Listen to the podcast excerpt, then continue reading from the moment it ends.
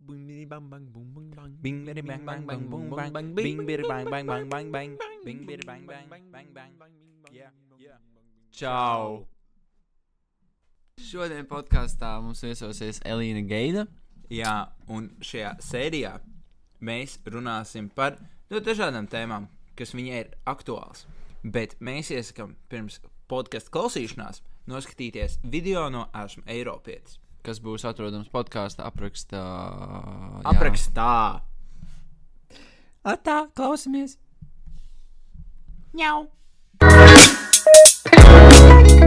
Um, man liekas, īstenībā, tā kā vakcinācijas tēmā.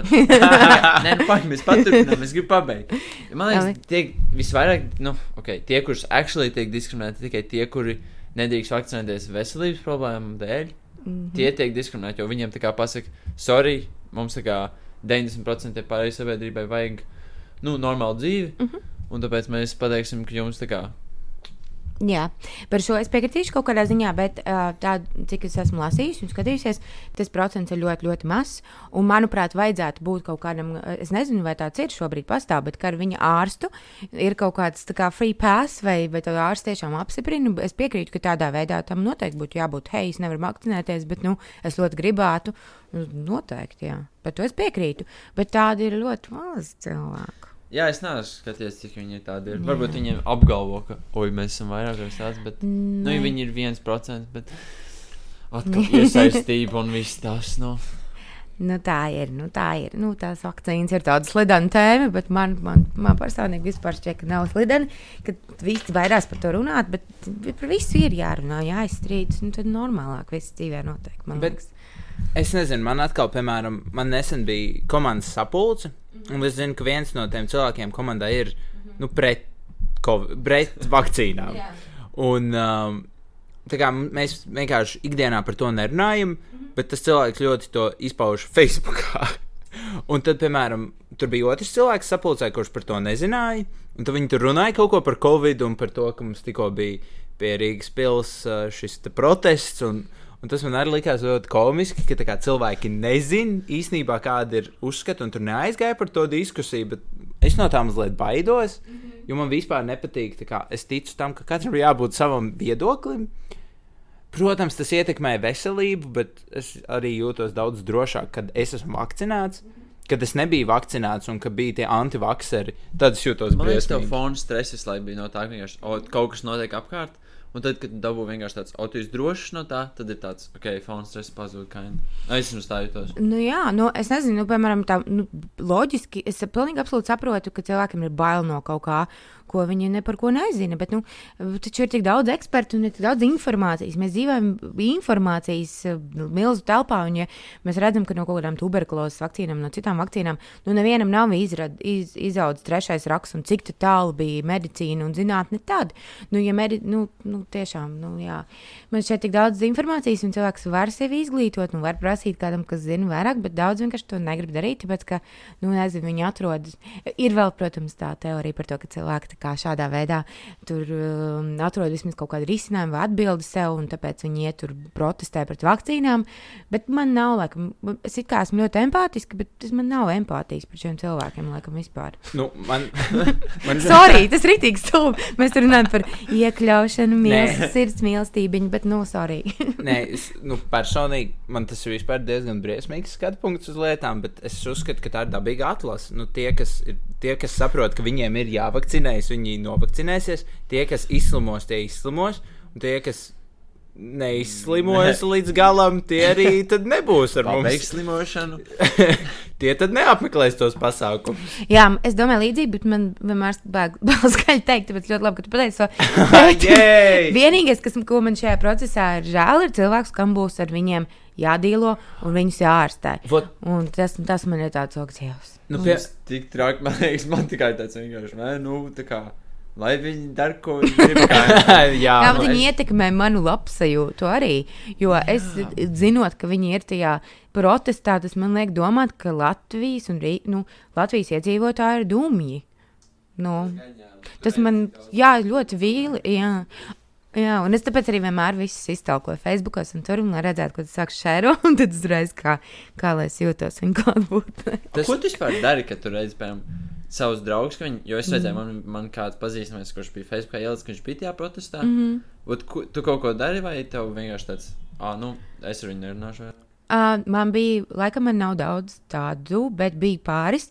Vienu ar vienu meiteni es uh, viņu vienkārši tā kā nu, uzspiedu un follow, lai viņa man nerādās. Bet es viņu pazinu ļoti, ļoti personīgi. Mēs agrāk bijām ļoti tuvs draudzenes. Un es viņai uzrakstīju, teicu, tā kā, hei, man tur liela vilšanās par tevi. Ļoti žēl, ka tu tā domā. Un kāpēc tas, nu, kas ir noticis? What happened? Bet nu, viņa ļoti aizgājusi kaut kādā eh, tur kosmosā, kur ir ļoti grūti izprast. Mums ir ļoti. man liekas, mēs, mēs pazīstam to pašu meiteni. tā, nu, nē, nē, bija.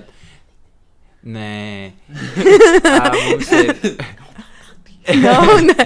Mums ir. Mums ir uh, šis aizskan nākamo tēmu. Kādu? Sensitīva reliģija. Tas ir ļoti daudz sensitīvas Nē, tēmas, jo bet- tas arī ir par kaut kādā ziņā, kad cilvēks iet reliģijā. Un, protams, vat, sorry par antivakseriem. Viena lieta, ko es gribēju pakomentēt, ka tu teici, ka tie, kas, piemēram, saslimst un viņi netic, par viņiem jārūpējas citiem. Un, piemēram, es teicu, ka es brokastīs runāju ar vecākiem, un teicu, strādā slimnīcā. Un viņam bija tāds, bet blīn, viņi visi nāk pie mums, kas ir briesmīgi.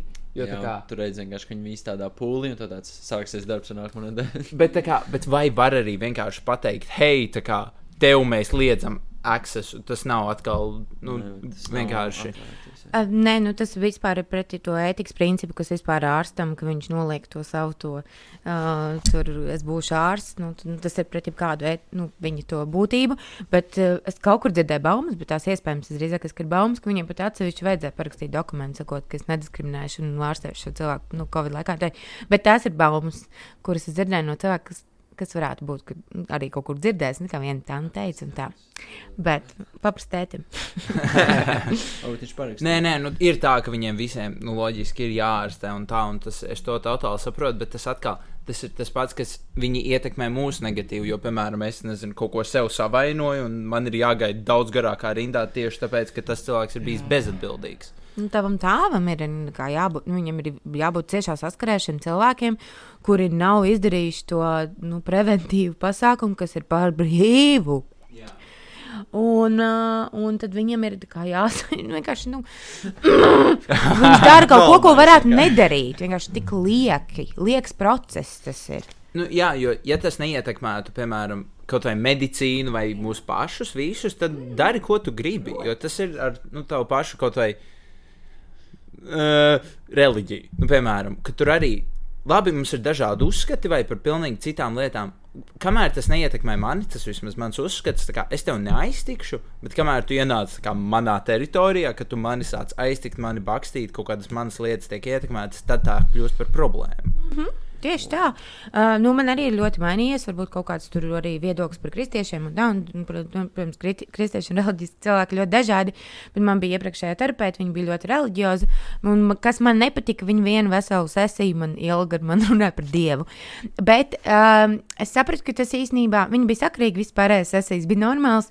Bet tas man ļoti pamainīja kaut kādu to perspektīvu. Es sapratu, ka ļoti daudzas lietas, piemēram, tās pašas kāzas vai kaut kādas citas lietas, ikdienā mūsu kaut kādas darbības un kā mēs runājam un kā mēs domājam, ir cēlies no, no kaut kāda no, no reliģijas, un to, to nevar no kristietības, un no tā nevar, no tā nevar izvairīties. Jā. Šis ir, jo kā, no kā arī reliģija ir radusies. Nu, tā kā tu izdomā, mēs vienkārši tā kā checkbox visām lietām, kuras nevajag. Bet vienkārši es tā iedomājos, tā, kāds vienkārši gan jau tāds izdomā, es izdomāšu ko tādu. Un tad tā ir viņa reliģija. Nu, tas Bet, nē, nu kā? Tas katrai ir- reliģijai ir tas pateikts, kā viņa ir radusies. Vienkārši. Man bija teorija, bet m, m, um, es uh, sen atpakaļ ļoti, ļoti sen biju uz randiņu vienu čalu, kurš man izskaidroja par to kristietību. Es neko neatceros, jo mēs tur bijām iedzēruši pāris sāliņus. Es ne, ne, neklausījos tik daudz. Bet uh, man, Burvīgi, man teorija, mana teorija, ne, bet ļoti gudrs vīrietis vajadzētu viņam varbūt pajautāt kādreiz. Bet uh, mana teorija bija tāda, ka, nu, pēc tā visa, nezinu, tur Roma un vispārējais, viss ir atļauts un mēs tur kreizi un visi dara visu, ka vajadzēja vienkārši cilvēks tā kā bišķi savākt. Hei! Hei, šī tā nestrādā vai nē. Bet, uh, nu jā, daudz jau kas ir teikts reliģijā un kristietībā, nav jau tur sliktas lietas, nevajadzētu tur nogalināt cilvēkus. nevajadzētu tur, nezinu, visu kaut ko sliktu darīt. Bet nu, tas nāk ar ļoti lielu vēl blakus, uh, blakus efektiem. Nu, ok, es iedošu bija šī citu skatu punktu šim visam. droši. Jo, nē, I mean, tā kā, again, o, oh, oh, tā, Covid. Ā, mēs vakcinēti. ah, jā, jā. jā. Um, es varu teikt, ka es esmu kristietis, mm -hmm. un tā kā man nav problēmu.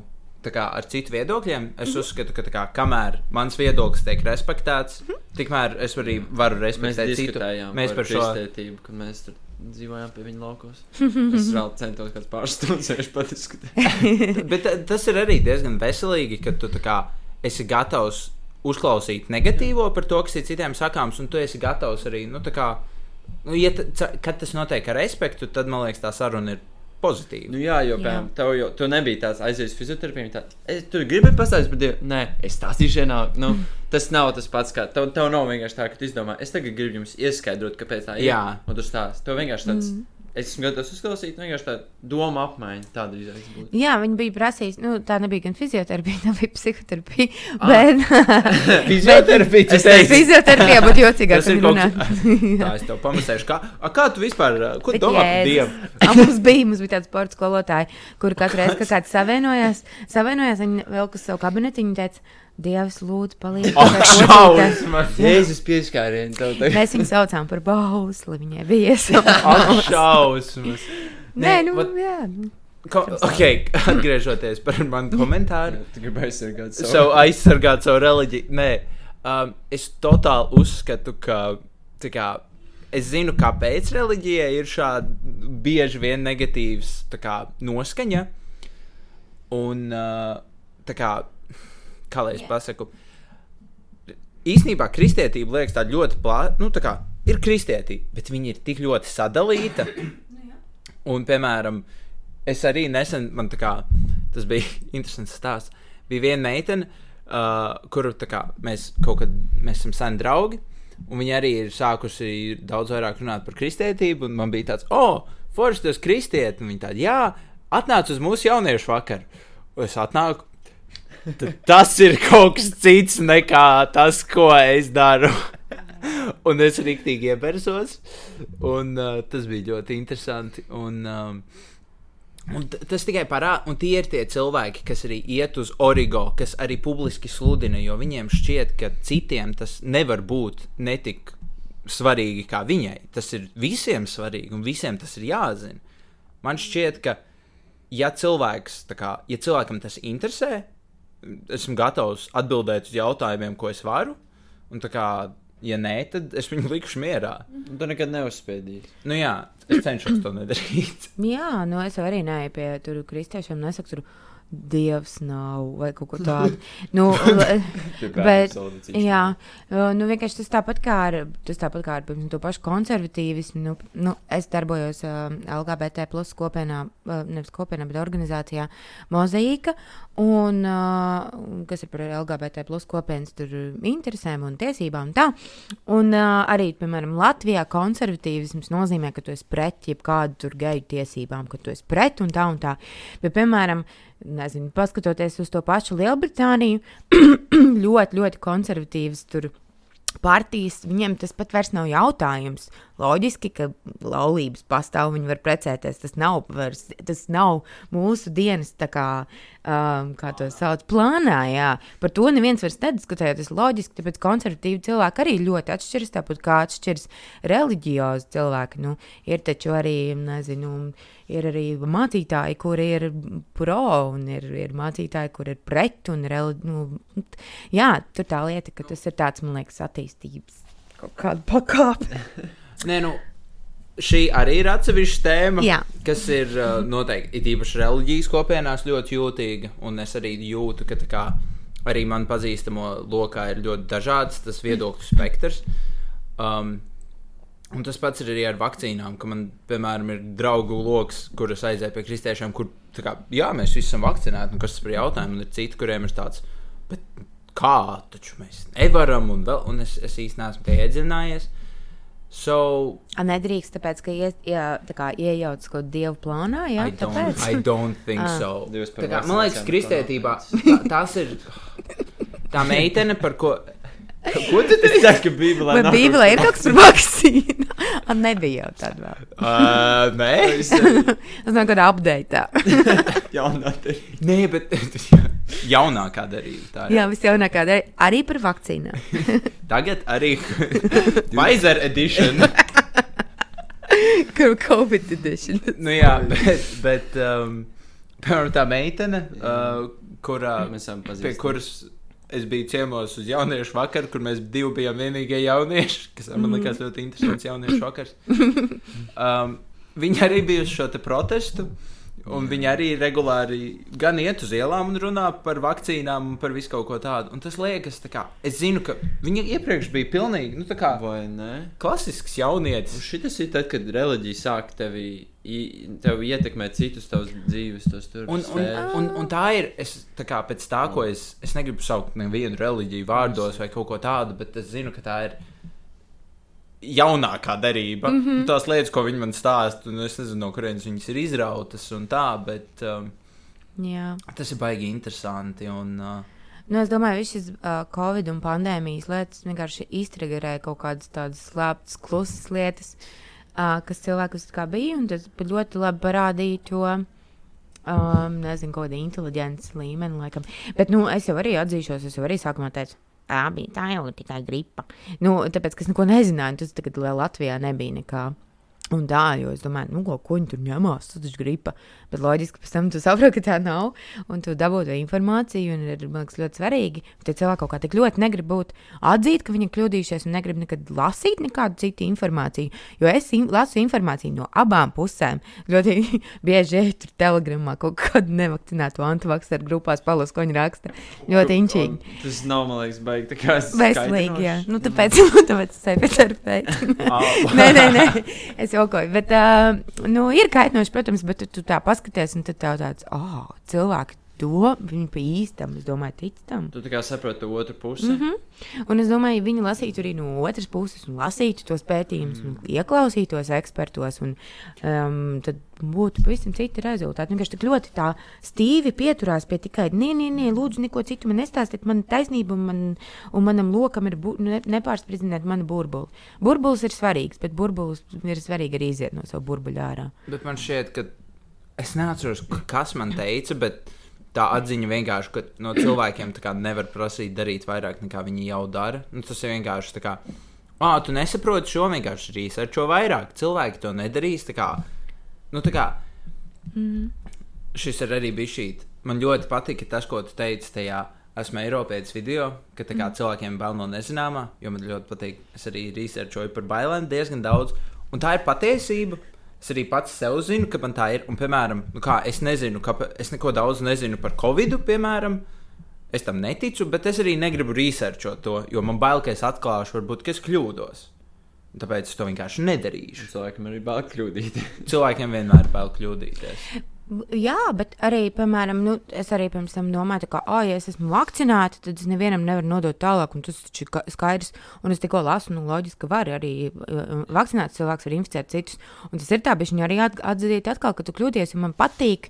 Man patīk būt on the top of the game, nu, kaut kādās lietās. Man vienkārši pašai interesē. Es negribu būt sēdēt un tā kā, oh, man neinteresē, jo tā ir aktuāla lieta šobrīd, kas skar mūs visus. Un man tas vienkārši šķiet svarīgi. Un tāpat tās runājot arī par cilvēktiesībām, un, un tas skar mūs visus. Un, un, piemēram, tas, kā cilvēki attiecas pret tiem pašiem, nezinu, homoseksuāliem cilvēkiem vai kādu no kopienas, tas skar arī, nu, lai gan uh, es esmu precējušies ar vīrieti, un tas teorētiski mani jau personīgi nekādu neskar, bet man ir draugi mīļi cilvēki, un tas skar manu arī mentālo veselību, tas skar manu kopējo sajūtu sabiedrībā. Un, jā, tāpēc man šķiet, ka tas, bet tas, nu, diemžēl, tas ir no kaut kādas neizglītotības. Izklausās, es te baigi tā uz troņa sēžu, es te izglītotā gudrā Elīna. Man jau arī, nu, man ir nepabeigta augstākā izglītība, man 32 gadi.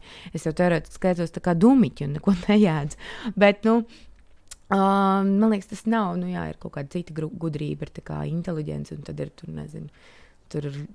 Jā, pats saprotu, ko es gribēju Nē, teikt. man, es jau video redzēju, forši iemets ir. Jā, Pastāst par sevi. Nu, 32 gadu dumiķi. Bet, nē, es, es, es jau pirms tam gribēju, kad tu sāki par to, ka tu mozīkā. Es vienkārši mm -hmm. gribēju paprasīt, kā, kāpēc es domāju, tu tā Un varbūt, iesaistīties. Mhm. jo mēs zinām, kas ir mozaīka, mēs esam Jā. diezgan dziļi jaunatnes organizācijās un tā. Vai tu vari vienkārši cilvēkam, tiem dumiķīšiem pārējiem, mums, piemēram, Hmm. jā, kas, kas tas īsti ir? Tā kā, Jā, uh, Mozaīka ir LGBT plus un viņu draugu um, organizācija, kas darbojas ar lesbiešu, geju, biseksuāļu un transpersonu. Un nu, plus ir tas, kas ir vēl. Um, Tiesībām un, un tā kā, jā, organizācija, kas vienkārši pārsvarā atbild par, par, par, par, par šīs kop, kopienas labbūtību, teiksim tā. Rīkojot tā kā pasākums, vai vairāk tādā līmenī, ka jūs ejat uz kaut kādu, es nezinu, pašvaldībām vai tur domu. Mm -hmm. Tādā nu, līmenī. tā Jā, kā vai jā, tas jā. ir vienkārši, hei, uztaisim teisu, vakar nu Ah. parunājam par to, vai arī mēs ejam pie politiskā, vai tas ir jau politiskā līmenī? Ok. Arī politiskā līmenī, nu, jo šī, šis temats vēl projām Latvijā ir politiskā jā, līmenī, jā. bet arī um, nu, no mozaīkas nu, ir atsevišķa protams, darba grupa, bet arī tikko bija mēs organizējām Baltijas praidu. Kas notika, un arī, uh, kas it kā arī tur ir fun and games, bet tajā pašā laikā, protams, ir ļoti daudz arī politikas. Ir, un nu, vispār runājot par to, cik, kur, kur Latvija tur ir un tā. Protams, ir arī tējas, vakar un fun un jautru pasākumi, bet tas neizslēdz arī, protams, daudz arī tur, nezinu, tiesību jautājumu, jo tas viss var aiziet tādā arī juridiskā līmenī un tā. Nu Jā, Jā. tur taču ir tā nopietnā daļa un arī tā.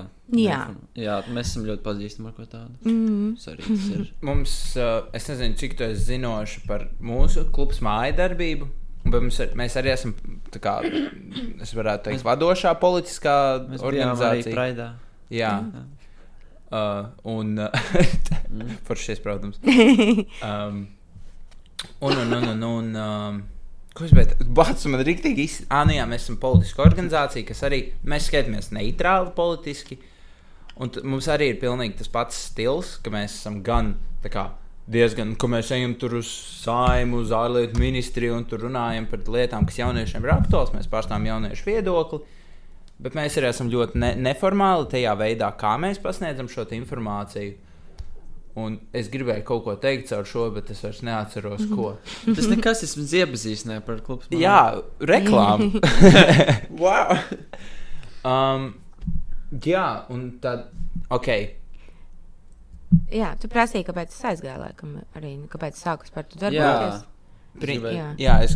jā, kāpēc? Jā, labi. Jā. Nē, bet ja par māju, klubu māju, es, da, es, es atzīšu, es ļoti daudz nezinu, bet nu es zinu kaut ko, jā, jā. Tādā ziņā, ja tu gribēji vēl kaut ko par māju ir pastāstīt. Es redzu, ka tu sapnies pats savos tīklos. Es jau arī tā daru uzlaimu. Jā, bet aizgājis tāpēc, ka man tas vienmēr ir bijis kaut kā svarīgi. Man, tas- man tas vienkārši nešķiet loģiski, ka diviem pieaugušiem cilvēkiem nav ne, nu, tā kā Neļauj to. neļauj ne precēties, ne būt kopā. Nu, pilnīgi cilvēki tā kā pret. Man, man tas nešķiet loģiski. Kā būt pret to.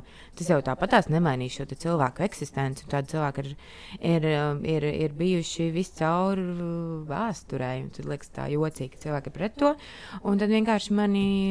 Uh, man draudzenes, nu jau tagad īstenībā tā ir viņas tagad sieva, toreiz viņas tikai tā tikās. Uh, Paaicināja viņu, jau bija mūzikā, viņa teica, hei, Elīna, atnāc, mums ir valdes, uh, valdes uh, vēlēšanas. Tur atnākt, pamēģināt, tur, tur aizgāju, man ievēlēja valdē, jā, un tas bija kaut kādus trīs gadus atpakaļ. jā, bet nu, jā, tālāk. Un tagad tu tur darbojies cik ilgi jau?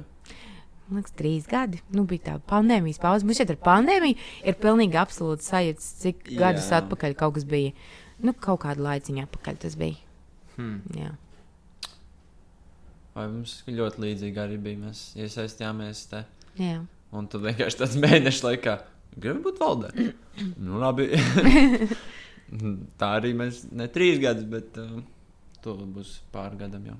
Jā, un kāpēc jūs tā esat? Ko jūs darat? Uh, jā, ko mēs īsti šeit darām? Nu, tā kā, Man oriģināli vienkārši likās, uh, es gribēju atrast kaut kādu kopienu, kurš tur tikai iedrēties, un visi tādi ļoti forši. Un uh, es tad biju dzimšanas dienas klubs māja. Man bija tāds, wow, šeit Gribēs draugus. Aptuveni, jā. Ew. un, uh, jā, un bija tāds, wow, cik forši cilvēki. Tam bija tas labi, jāsāk jā, darboties. Un tad es kaut kādā lē- lēnām sapratu, par ko tas ir. Un tā un man bija tāds, ok, tad es vienkārši sāku redzēt lietas, kuras var sevi attīstīt, tur rīkot pasākumus, saprast, tur kaut kādu papīra darbu, kā darīt. Visu kaut ko šādu te. Un man tas rīktīgi palīdzēs dzīvē. Man ļoti patīk tā pieeja, kas man pagaidām ir bijusi. Kāds ir tavs amats šajā organizācijā, Rudolf? Nu, Es esmu tas, kas ir atbildīgs par visiem, lai visi ir iesaistīti, par visiem tā kā tiek padomāts, informācija tiek aizvadīta visiem. Vajadzētu būt ļoti Jauki. Ļoti jauki, bet tas ir grūts darbs. Un, Tagad tāds pasniegs, tikai tāds mūsdienu. Mūsdienu. jā, un ar vēl Jā. papil- pasniegs, kurš organizē arī pasākums. Vajadzētu Mhm. organizēt. Jā, kā, labi, nē, par to mēs neaizrunāsimies. Man ir. Kāpēc es iesaistījos klubā? Man nebija ko darīt. Es esmu ļoti, es vienmēr, esmu, es ļoti cenšos visu laiku veicināt sevi izaugsmi. Un es, man bija tāds posms, ka man liekas, man tieši beidzās kaut kāda organizācija darbība vienā citā vietā, un tad es gribēju pamēģināt kaut ko jaunu. Es tiku caur šo podkāstu šajā organizācijā, Un tad pēc mēneša bija valdes vēlēšanas, un bija brīva pozīcija, un es gribēju pamēģināt, un es tiku. Un, jā, mums drīz beigsies termiņš, pēc mazāk Jā. nekā mēneša. Jā, jāsāk gatavot runas. un Nu, kā kuram? Rudolf laikam nepaliks. Gan, oh, oh. Es palikšu. Cerams, Nu, re. ja man ievēlēs. Bet jā, es daru pilnīgi pretējo to, ko viņš es atbildu par. Nu, viņš ir viceprezidents iekšlietās un viceprezidents ārlietās. Oh. Ļoti oficiāli nosaukt. Jā, bet tas Jā. ir ne tik. Nu, Izklausās oficiāli, bet tāpēc es arī labāk gribētu, lai man sauc par pasnieku. Mhm. nu, es gribēju sev nosaukt par infocentru arī. bet vai tu esi infocentrs? Vajadzētu būt. ir, ir grūti būt infocentram. Okay. Kas ir tas vienkārši? Jā, jā, kad senāk viņš vienkārši braukā pa ceļojumiem. Un viņš kaut kas tāds. Oh, Jā. neslikti. Nu, viņš tikai kaut kur apmeklē ārvalstīs kaut ko. Man liekas, tas ir. uh, Nu, esmu starptaut, ar starptautiskajām mm -hmm. organizācijām vairāk, bet nu jau laikam arī ar nacionālajām. Ai, Tas tā balss pasaulē. apmēram. Jā, internacionāls pasniegs. Internacionāli. Esmu Amazon šis kurjeris. Es kas Latvijas pasta organizācijas tos Tieši tā. Um, labi. Šis, labi, ja mēs iesākām par ceļošanu. Un tas arī gribēja jāparunā par to ceļošanu. Un mm -hmm. tas, cik ļoti tas maina visu to skatu uz pasauli un tā. Jo mums arī abiem ar Rudolfu, man liekas, par ceļošanu vispār ir diezgan dažādi skatu punkti. Un tā kā vispār gan pieredze, gan. Jā, es īsti nezinu. Jā, esmu bijis, man liekas, ļoti daudz tādos projektiņos, no apmaiņas projektu un tā. Un tie jau, jo tur tā kā samaisās cilvēki, jūs esat vienā valstī, bet jūs samaisāties, jo jūs esat no visādām valstīm. Un tas jau ir. Un vispār, vispār tur ir ļoti, pat divreiz pateicu, vispār. Tas ir Vispār, Vispār, vispār. vispār. Vispār, vispār. Bet um, es vienkārši vecākiem visu laiku, kad esmu, mēs esam ceļojuši, tur redzu, cik ļoti visur ir. Um, tas jau ok, ka ir ļoti daudz kultūras. Piemēram, Vācijā mēs ejam, tu vienkārši redzi, nu, viņi visi var būt skaitļi, nu, viņi, viņiem ir vācu piemēram, pilsonība, bet nu, viņiem tur ir cita tā, um, ka- kas ir. Tautība. Nu, tautība. Ne, Tu domā, tās, uh, Ne, ko, nu, kā to sauc? Nu, Distrikti? Nē, nu, es nezinu, kā to No, sauc. kurienes viņi nāk, tā varētu teikt. Jā. Tā apzeme vai un izcelsme, vot. Mm -hmm. Un uh, tas vienkārši jau tur redzi to atšķirību ar Latviju, un tāpēc arī viņiem tā domāšana ir citādāka, piemēram, par ko tur var runāt, kā tu attiecies pret cilvēkiem. Man liekas, tas ir rīktīgi. Es apskaužu, piemēram, ārvalstis vai kur rietumē Es Eiropā. arī. Jo es tagad arī, nu, piemēram, tur ejot pa ielu, tur redzu dažādākus cilvēkus. Vairāk pēdējā laikā man tāds, jēj, cik forši! Un beidzot, Latvija nav tikai tur, nezinu. Labi, neko. Uh, Burvīgi. bet, uh, jā, ceļošana man ir. ma- Man īstenībā es pirmo reizi kaut kur aizceļoju tā, tādā apzinātā. Uh, man bija tikai kaut kādi 19 gadi jau. Un uh, bērnībā nebija tā, ka man tur uz brīdi brauc. Nu, es esmu diez, no tādas diezgan ļoti nabadzīgas ģimenes, mums tur nebija baigi uh, tur iespēju un tā.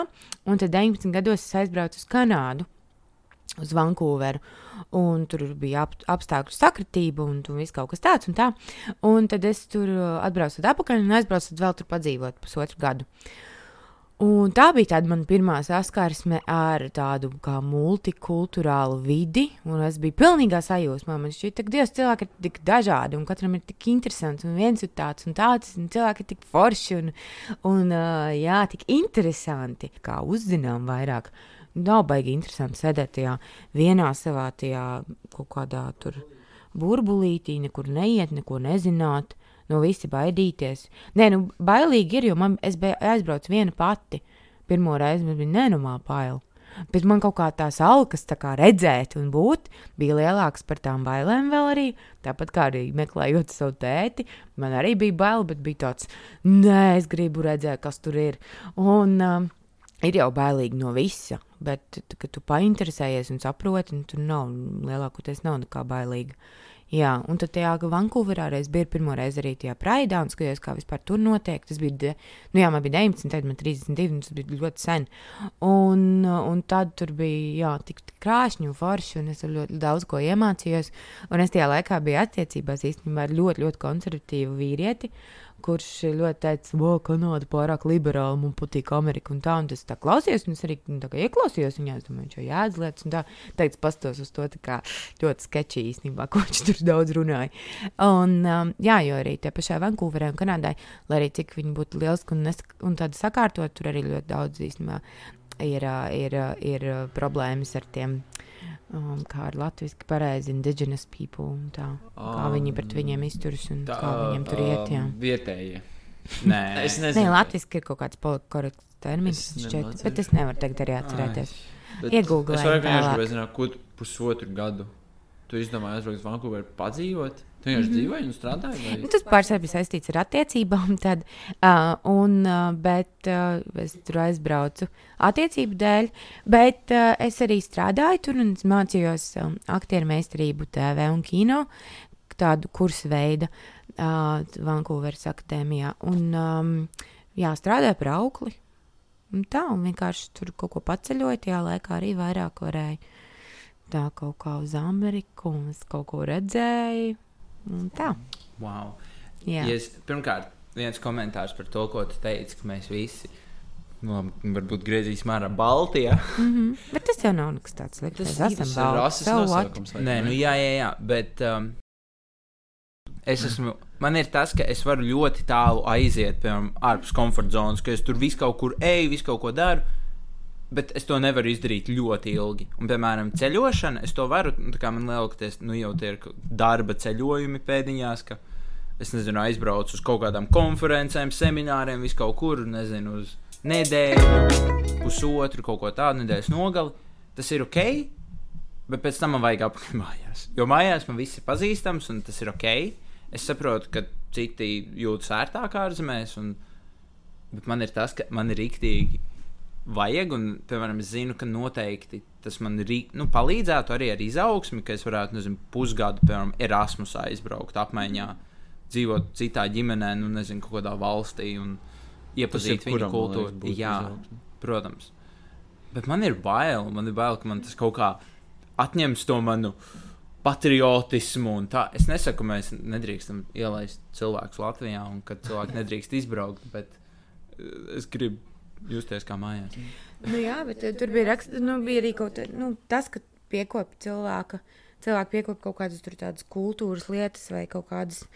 Nu, vairāk, vairāk, kā man tur runās, es domāju, arī pāris lietas par to, identif nu, ka tu identificē sevi kā latvietis. Man nekad nav bij, bijis tāda sajūta, pat iepriekš, nu, kā es esmu te dzimusi, augusi, man nekad nav bijis tādas, ne, oh, dziesmu svētki, tautas stērpi, man tā kā, mm, un man tas tā nekad tā baigi nav interesējis un nav aizrāvis, man nekad nav bijusi asariņa acīs tur klausot, nē, nu, ir kaut kad bijusi, ir, jā, ir bijis kaut kā tāda kop, kop, kopēja sajūta noteikti, bet es nekad neesmu jutusies, ka, Jā, tur man, es ļoti respektēju latviešu kultūru un folkloru. Man šķiet, tik forši un man ļoti interesē arī. Man patīk, man draudzene viena ir ļoti aizraujusi ar folkloru. Man tas šķiet tik interesanti un tā. Bet man nekad nav bijusi iekšā tā, tā latviešu iekšējā tā balstiņa, tāda veselīte, kas trīc uz kaut kādām, nezinu, prātu vētru un dziesmu svētkiem. Um, vai kaut kādām tādām lietām, kad saka, o, šis latvietis. Um, Jā, man nav, nav tāda, man nav tāda, tur, oh, mūsu senči, man nav tāda sajūta, tāpēc, ka arī varbūt arī tāpēc, ka man senči nav latvieši, varbūt arī tāpēc. Bet nav bijis tāds, jā, man vienmēr bijis tāds, ah, ar ko es sevi identificēju un tā, bet tas nenozīmē, ka man nepatīk šī valsts, tas nenozīmē to, ka man, ka es nesaucu šo valstu par mājām, jo tās ir manas mājas. Uh, es vairāk asociēju savas mājas un to drošības sajūtu, jā, ka tā ir tā drošības sajūta, atbrauc mājās un viss zināms, un tavas ielas, un tavi cilvēki, jo man ļoti patīk Rīga. Man ļoti daudz lietas, mīļas vietas, kas te ir, kas man tādas, šīs ir manas mājas, un arī esot uh, Vankūverā, man pietrūka daudz kas. Nu, bija tā, oh, bet tur viss zina, un šeit man viss jāmācās no jauna, un besī. Un tā, bet jā, un ir bišķiņ tāds, lai gan man ik pa laikam visas braukš prom, visi ir antivaks. tā, bet man tāds, bet tad atkal tā kā, kā arī negribās tik ļoti, jā. Tāpēc mans draugs, kas ir no Lielbritānijas, viņš šeit dzīvo šeit. Un es domāju, cik ilgi mēs vilksim šo te, nē, paliec te, nē, braucam tur, nē, jāskatās, kā, ie, kā ies nākotnē. Viņam arī ļoti patīk šeit, un tas man liekas forši. Tā ir ļoti daudz foršu lietu. Tu vēlēsies kaut ko pakomentēt? Es iepriekš jau gribēju, bet man atkal aizkrita tā doma. Es vienkārši Vajag lapiņu viens. tāds, ok, es vienkārši paklausīšos, bet nē, es kaut ko es domāju um, par to, ka. Es atceros, man vienkārši bija brīdis, kad es tāds izdomāju, vai es būšu pasaules pilsonis. Nu, es iedomājos, tāds, es gribu būt, uh, tas būtu tik forši, ka mēs visi vienkārši būtu pasaules pilsoņi, nevis baigi sadalīti. Bet tad es saprotu, ka mums kaina vajag. Nu, kā tiem viņiem patīk, ka mēs atrodam, nu, tā grupiņa atrod, ka mums, mēs esam latvieši.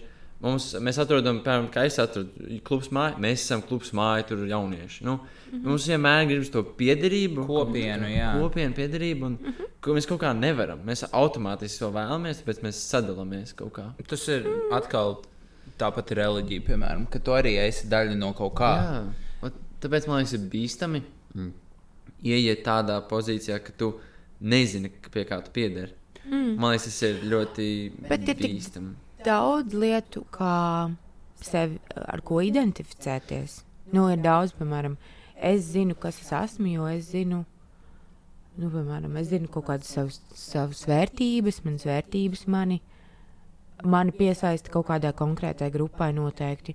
Nu, es esmu ļoti par feministiskām vērtībām un, un par cilvēku līdztiesību. Un es zinu, ka ir cilvēku grupa, kur arī ir, un, piemēram, kaut kāds ir feministu fórums vai kaut kādi cilvēki, kurus es arī dzīvē satikusi.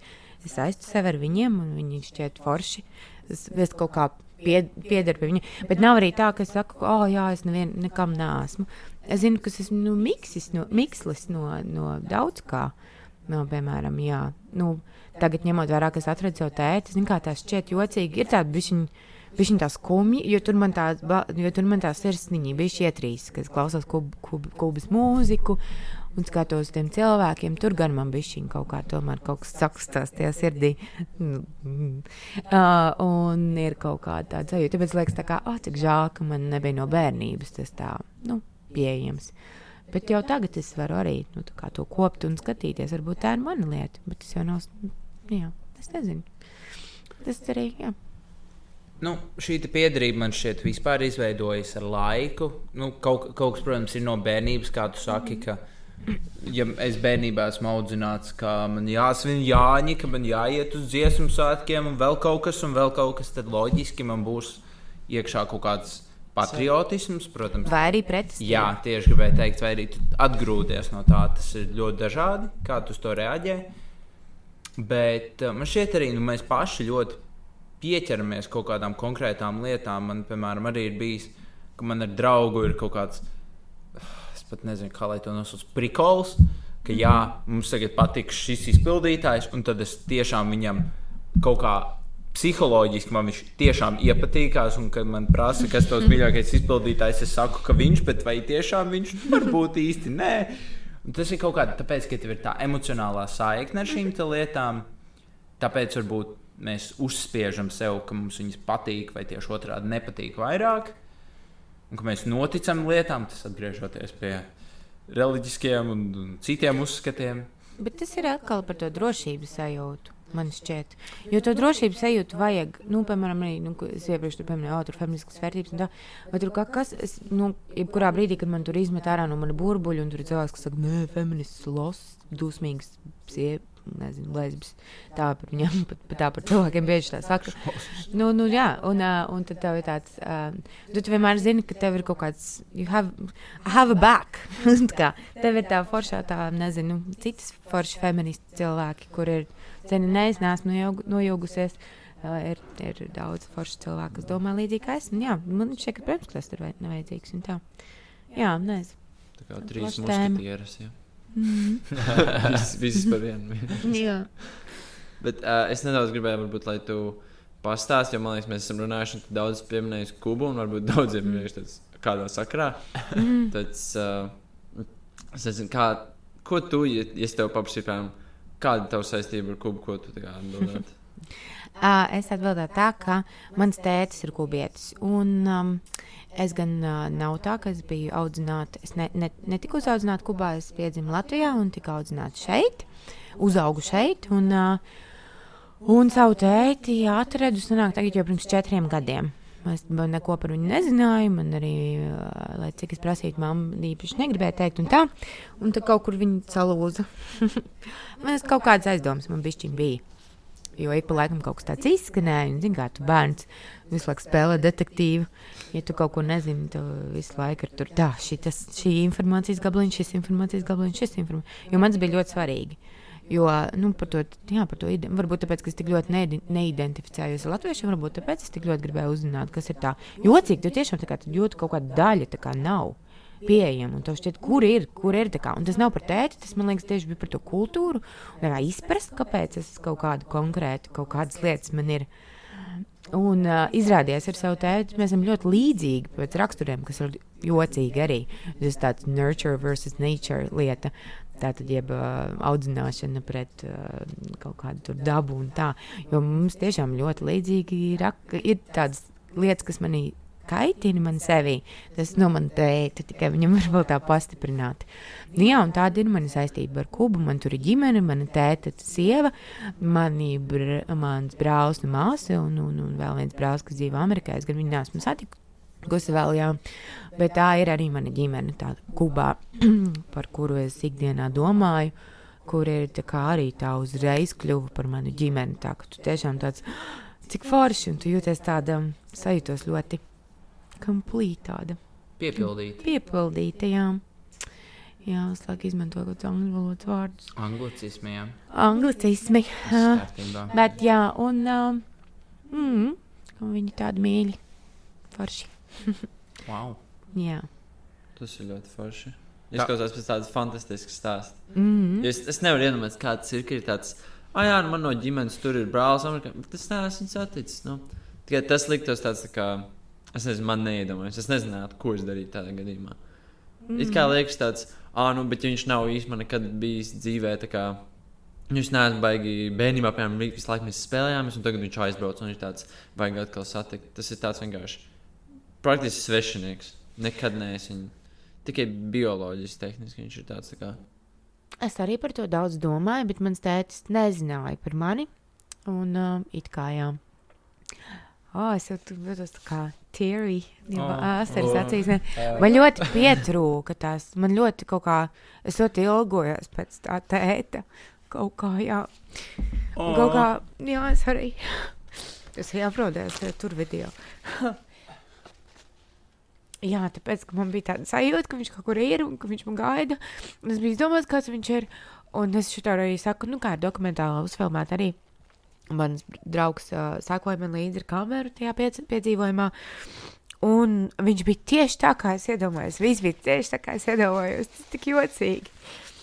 Jā, man kaut kā tā kā. Es saku, es neesmu beigts tur garīgi būt. Es vairāk man patīk loģika un prim, tur, un tur loģiski izdomāt. Bet viņš arī vienā brīdī teica, viņš teica tā, ka viņam šķita, ka mēs visi dzīvi bijām saistīti.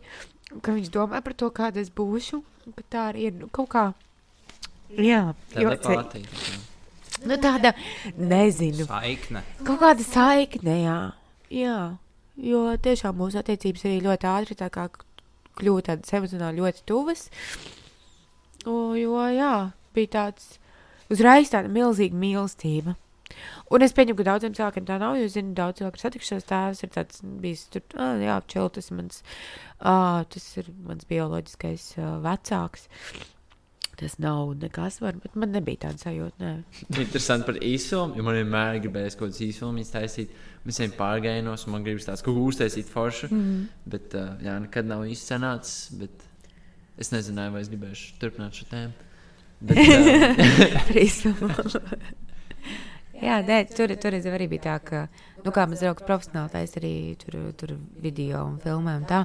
Un bija, un, jā, un tāpēc bija tāds, un tu vai nu nofilmējam, bet, nu, vienkārši kaut kur mājās būs, ko paskatīties pēc mm. daudziem gadiem. Bet bija ļoti jocīgi, tāpēc, ka, zin, kā viņš bija vienīgais, kas man brauc līdzi, un es gribēju kā emocionāli atbalstu. Un, tā, kad es sāku raudāt vai vēl kaut kas tur, man tur ir redz, viņš vēl kā ar kameru, man bija tāds. Mm, tāpēc to vajadzēja varbūt kaut kā izdomāt. Yeah. Tāpat tās bija nu, viņam bija grūti, jo es tur redzu, kas man filmē, ka man vajag atbalstīt. Um, pirmkārt, uh, tas ir klausītājiem. Mēs pievienosim uh, kā, apakšā šim podkastam gan linku uz Esmu Eiropietis īso video. Ah, jā, gribēju... Tas ir noderīgs. Tas jā, ir. tas vienkārši tad es pat Varbūt tas ir jau. Jā, varbūt tas ir jā, jānostāsta pirms podkāstu klausīšanās. Mm. Bet otrs ir, vai ir um, kaut kur pieejama tā filma vispār cilvēkiem, ja viņi vēlas skatīties. Tā filma ir shortcutā. Šobrīd pieejama. Piedodiet, kas man ir. Shortcutā. Nu, var noskatīties. Mm -hmm. okay. Saucas um, man nepatīk tas nosaukums, ar to arī bija strīdi, bet iztrūkstošās daļas, meklējot savu tēvu Kubā, laikam, tāds garš. Wow! Mm. Okay. Bet, bet, laikam, pat ar šo projektu saistībā būs arī tās filmas liekas, rādīšana, varbūt, bet, nu, var, varbūt arī tas vēl nav nolemts. Kaut ko man minēja. Kaut ko iespējams arī minēja, bet es neesmu. Es, kaut kas bija tāds. Varbūt es kļūdos. Varbūt old news. Fake news, dezinformācija. Tieši šeit, podkāstā, kontrasts. Šausmas. Um, wow. Kā, kā, kā, Mums kāds... bija ceļošana, ceļošana. I mean, nē, es gribēju vispār pajautāt tev, tas tā kā, mm -hmm. man liekas, relatīvi ok, transakcija no šīs tēmas. Tev ir tāda ļoti unikāla tas, ka tu ļoti brīvi runā par visu. Tādā ziņā, ka Jā, runāsim par vakcīnām, runāsim par reliģiju. Tas ir visas tēmas, par ko nerunāt. Un tagad arī aizgāja līdz asarām, piemēram, runājot par savu personīgo pieredzi, savu tēvu. Kas arī ir, nu, tās visas ir tādas tēmas, par kurām es nezinu, vai es justos ērti runājot. Uh, un, uh, jā, varbūt kas, kāpēc tev ir tā, ka tu spēj par to tik brīvi runāt? Um, Tāpēc, ka man šķiet ļoti svarīgi runāt. Man vispār daba ir tāda, man ļoti patīk diskutēt. Man ļoti patīk, um, kā, jā, nezinu, pierādīt, ka man taisnība. Ļoti bieži tā nav. Man ļoti patīk diskutēt, un man šķiet ļoti svarīgi runāt. Jo tad, kad es meklēju savu tēti, piemēram, vai arī kaut ko, es nevarēju atrast nevienu stāstu, lai es varētu sajust to sirds komfortu, ka tu vari, mm, kā ir latviešu, relētot. Uh, relate with, tas ir uh, rezonēt. Kā būs Latvijas rezonē, jā. Nu, kaut kā, nu, it kā, jā, kaut kas rezonē. Jā. Un man uh, par, daudz, par vairākām tēmām man šeit tas, ka cilvēki nerunā. Nu, kā tu vari dabūt to informāciju? Tu tev jāroks. Man šeit ir ļoti svarīgi runāt par tām lietām, jo tās veido viedokli, tās izglīto, Es varu izglītot sevi, klausoties citus cilvēkus, vai es varu, piemēram, kāds piemin tur, nezinu, kaut kādu jaunu lietu, ko es nekad dzīvē neesmu dzirdējis. Es tur, nezinu, iešu, tagad palasīšu, varbūt to grāmatu, vai izlasīšu to rakstu par to. Man tāpēc šķiet ļoti svarīgi runāt par lietām. Bet to varbūt brīvību man ir iedevusi, nu, spēlē arī improvizācijas teātrī ļoti ilgu laiku.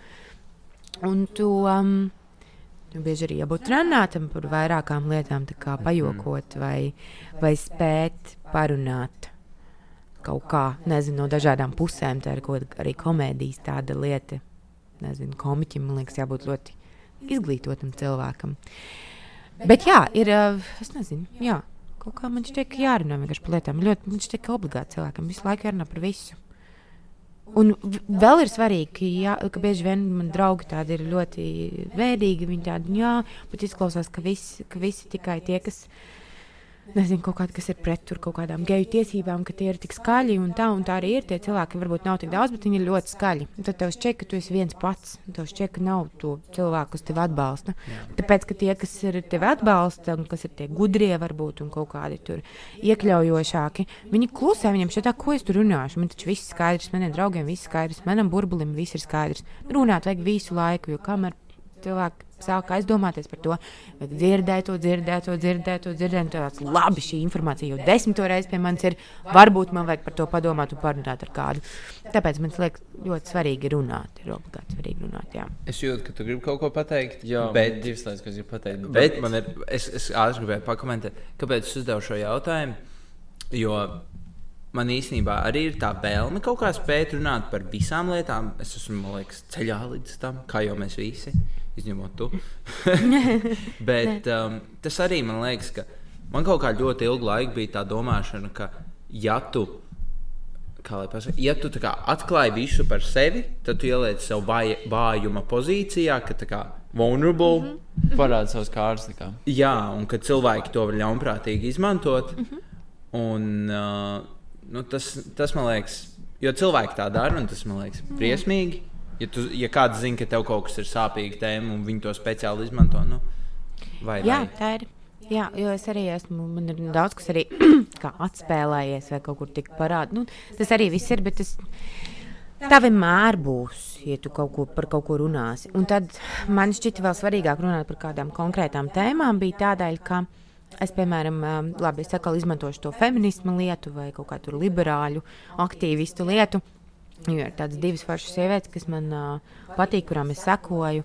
Um, viņas arī ļoti daudz runā par politiku, par liberālu politiku, arī par daudz par cilvēku, cilvēku tiesībām un tā. Un viņām ir drausmīgi komentāri un uzbrukumi. Un, un, un, un viņas visu laiku ķengā, bet viņas turpina tāpat tās runāt par to. Un tad, Un tad, nu, šķiet, nu, viņas arī nav no dzelzs. Viņas arī noteikti kādā brīdī sabrūk. Un tad man šķiet, ja es vēl runāšu skaļāk, ja vēl kāds runās skaļāk, nezinu, tad varbūt viņi nāks man kaut ko, nu, tad vismaz sadalīšu, noņems, noņems to smagumu no viņu pleciem, lai viņas nejūtas vienas pašas. Mm. Lai viņas jūtas, ka, ka ir vēl cilvēki, kuriem arī rūp tas, ko viņas dara, viņas atbalsta. Mēs bieži arī nesakām labas lietas. Mēs sakām, ak, Dievs, cik forši, ka tu šo dari. Man liekas, kā, ah, viņi jau paši zina, ka viņi tā kā forši domā un labi dara.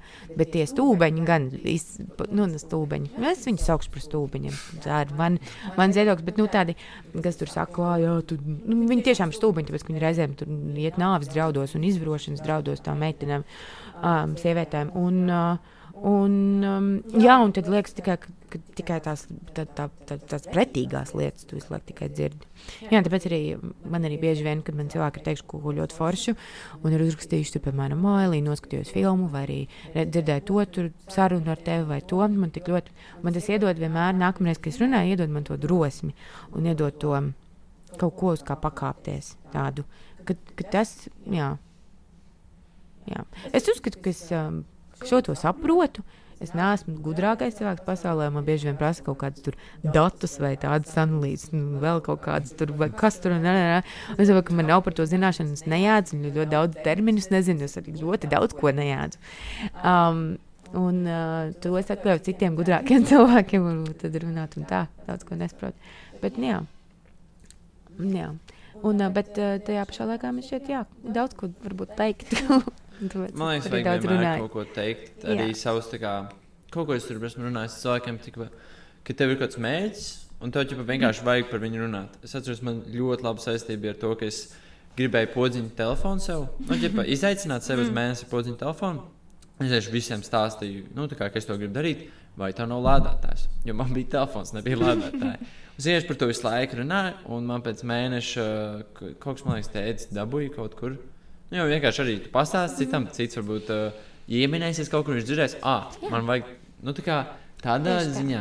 Arī jā. jā. Man liekas, tāpēc arī ļoti svarīgi runāt un diskutēt un viss un tas, bet tas dažreiz ir grūti.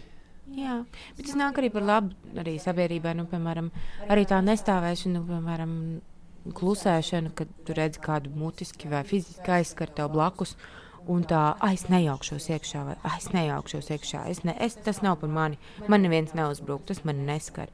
Nu, tā arī, nu, tas, tas arī, es nekad nevaru nostāvēt tur maliņā un būt tur. Ah, Man tur vajag tur iet aizstāvēt, un tur teikt, nē, tā nav pareizi. Ej, tur neaiztiec nepazīstamu sievieti, lūdzu, negrābsties.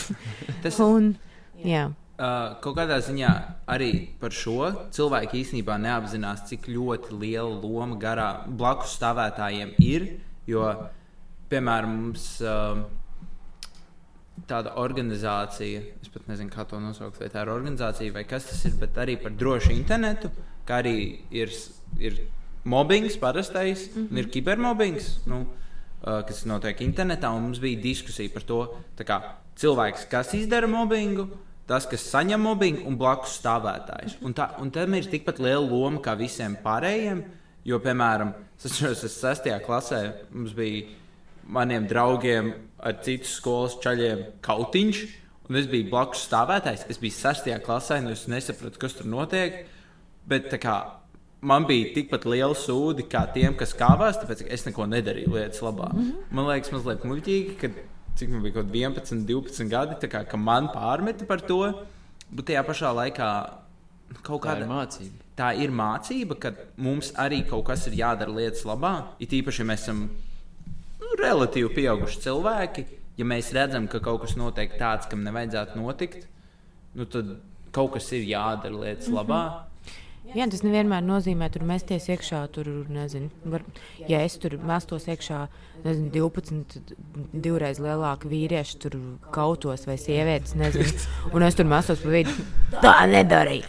Nu, varbūt, tas nav varbūt baigi prātīgi, bet es varu piezvanīt policijai, es varu darīt kaut kā Jā. citādāk. Es varu būt nebūt neitrāls, jo bieži vien ir arī um, ir, ir tāds viens plakāts, un, ko sievietes divas tur tumšainās. Viņas saka, ba, un tur rakstīts, esot, būt neitrālam ir, ir būt uh, tā kā opresor, opresor. Tā Jā. ļaundarītājiem. Apspiedēji. apspiedēja pusē. Bum. Ka tu esi viņa pusē. Jā. Nozīmē, nu, ja tu esi neitrāls, tad tu esi tā. Tas, ne, Tu neatbalsti Jā. cietušo, principā. Tā, tā, Jā, tu esi tā ā, apbižotāja pusē savā ziņā. Un neitrālam, nu, šis gadsimts ir. Šis gads ir. Nu, nu, labi, mēs arī redzam, kurā galā var aiziet, ka cilvēki izvēlas nebūt neitrāli un ā, ar kādu dezinformāciju mēģina dalīties un visu kaut ko tādu. Bet, um, un nav neitrāli, bet nu, neitrālam būt nav, nav forši. Nevajag būt neitrālam. Jā, es neesmu redzējis kā kādu vakcinācijas atbalsta gājienu vai protestu pie, par Bet- to, ka pārāk maz vakcinē. I mean, nu jā, nav īsti par ko tā kā, streikot, jo mums viss ir tā kā valsts ir reāli mūsu pusē kaut kādā ziņā. Jo, nu, Par šo tēmu, jā. Ne, vispār, man liekas, arī tādā ziņā um, var redzēt, cik negatīvā enerģija nedaudz stiprāka. Vismaz viņa Tāpēc, liekas. ka tā ir skaļāka. Tāpēc, ka Jā. tur tā lieta, jā. Un Tas ir par to. dabūt pozitīvo tikpat skaļi ir tik daudz sarežģītāk. Bet tieši pēc tā protesta nākamajā dienā bija Anģa koncerts, laikam, mēs, mēs, un cilvēki, un tas bija tikai vakcinētiem. Un viņiem bija visiem cilvēkiem bija normāli liels prieks, kā, hei, mēs esam rītīgi daudz vairāk nekā viņi bija protestā. kas ir Jā. vēl? Es uh, vakar, gan uh, nu, aizvakar mēs ar Rudolfu kopā bijām brīvprātīgajā Rīgas maratonā. Un tur viņi, viņiem bija mini prote, nu, cik, nu, protesti. Viņi vienkārši tur stāvēja, kaut ko kliedz ar karogiem Jā. un plakātiem. Un arī vakar es skrēju pats. Un tur arī bija džeks, kurš bļāva. Un tas bija tāds ļoti, nu, tā kā, nu, vajag pētīgi, bet jā, tas, tas līmenis arī ir pilnīgi kaut kas cits. Un, nu, protams, ir kaina bēdīgi, un tu gribi viņus kā izglītot par to, bet es vienmēr uzskatu, ka, ja cilvēks ir tādā pakāpē, tad viņiem kaut kādā ziņā arī pašiem no tā ir jātiek ārā. Nu, cik, cik ilgi mēs viņiem skaidrosim Jā. un mācīsim? Do, ļoti daudz vajag arī sap, izvērtēt, arī tur, tomēr savu kaut kādu mentālo veselību un laiku. Arī vajag, vajag saprast, kur to ir vērts un vai tev ir spējas un, un, un, un, un iespējas um, to darīt. Jo es arī ļoti daudz esmu bijis tā kā, varbūt, oh, es negribu ne par ko runāt šobrīd, tāpēc, ka man vienkārši nav, mental, men, man nav mentālās veselības, kaut kādas kapacitātes klausīties kaut kādus vēl komentārus par to, ko es runāšu. Tad es esmu paklusējis, uzkrājis spēkus. Un tā, tas jau arī nenozīmē, ka nu, jā, nē, bet klausies, reku pierādījumu. Tā daudz cilvēku, kuriem tu vienkārši saproti, ka jā, nu, tur nav, nav vārds un nevajag. Bet, ja viņš ir viens kliedz, viņš iet un dod seju kādam vakcinētājam, nu, tad vai, vajadzētu iejaukties. Jā. jā, tā ir. Mm. Nu, piemēram, par to pašu, ka cilvēks iet kaut kādā bedrē.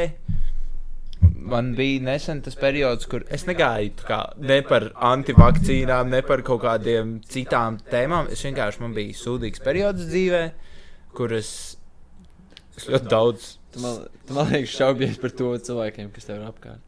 Ah, jā, es neatceros, kas tur īsti bija, bet principā es biju rīktīgā bedrē, tādā ziņā, ka nu, es ļoti maz gāju ārā no mājas. Es liekas, visu laiku strādāju, un man likās, ka viss, ko es daru, nav pietiekami. Mm. Un šī tas džekiņš man, man visu laiku bikstīja, līdz es beidzot izvilkos ārā. Viņš man īstenībā palīdzēja. Tas bija ļoti kā, arī tas, ka kā, tu palīdzi viens otram. Pat ja tu zini, ka nav, bet, protams, mums arī pēc tam bija saruna par to, ka kā, tu stāstīji, ka, a, kad es pat, nu, kā, kad jā. tu domā padoties. Nu, jā, tas kā abas pusēm ir tādas. Uh... Jo tu nevari arī vienmēr paļauties, ka, hei, man tā vienmēr izvilks. Jā. Jo, nu, tas ir. Protams, ir forši, ka tev ir draugi, uz ko paļauties. Paldies, tev, Rudolf. No. Jā, tagad jums jārod. nē, nē, mums, mēs, mēs neesam tieši raudātāji. Bet uh, jā, tas arī ir tas, ka nu, kad tu apskaties, kā ir citiem, un ka tu spēj palīdzēt, pirms nav par sliktu, kad tiešām ka nav vairs tā, ka. Jo arī mums ir draugi, kur vienkārši tu, jū, tu redzi, ka viņiem ir tās pārmaiņas, un ka, ja tu neesi neko darījis, tad ir bijis pat traki jau. Un ka tu vairs īsti tālāk tā ir viņu pašu cīņa, un, un tie rezultāti var būt dažādi. Jā. Viss, ko tu vari darīt, ir viņu atbalstīt un būt blakus, ja nu viņam vajag. Jā, Jā, tas ir tā, nu, tīpaši ar mentālo veselību, jo nu, man ar to arī ir. Kā, uh, es, labi, par tādām lietām ir jārunā. Man ir, um, ir, man ir klīniskā depresija un ģeneralizētā trauksme. Un depresija kā, ir arī tāda lieta, par ko cilvēki tur ātri izdomā. Vai tur nu, cilvēki domā, ka oh, depres, depresija nozīmē, ka tu esi bēdīgi, vai kaut kāda arī ir tāda stigma, tāda riebīga par kaut kādām. Bet tagad, nu, tagad jau gribas teikt, ka kuram nav depresija.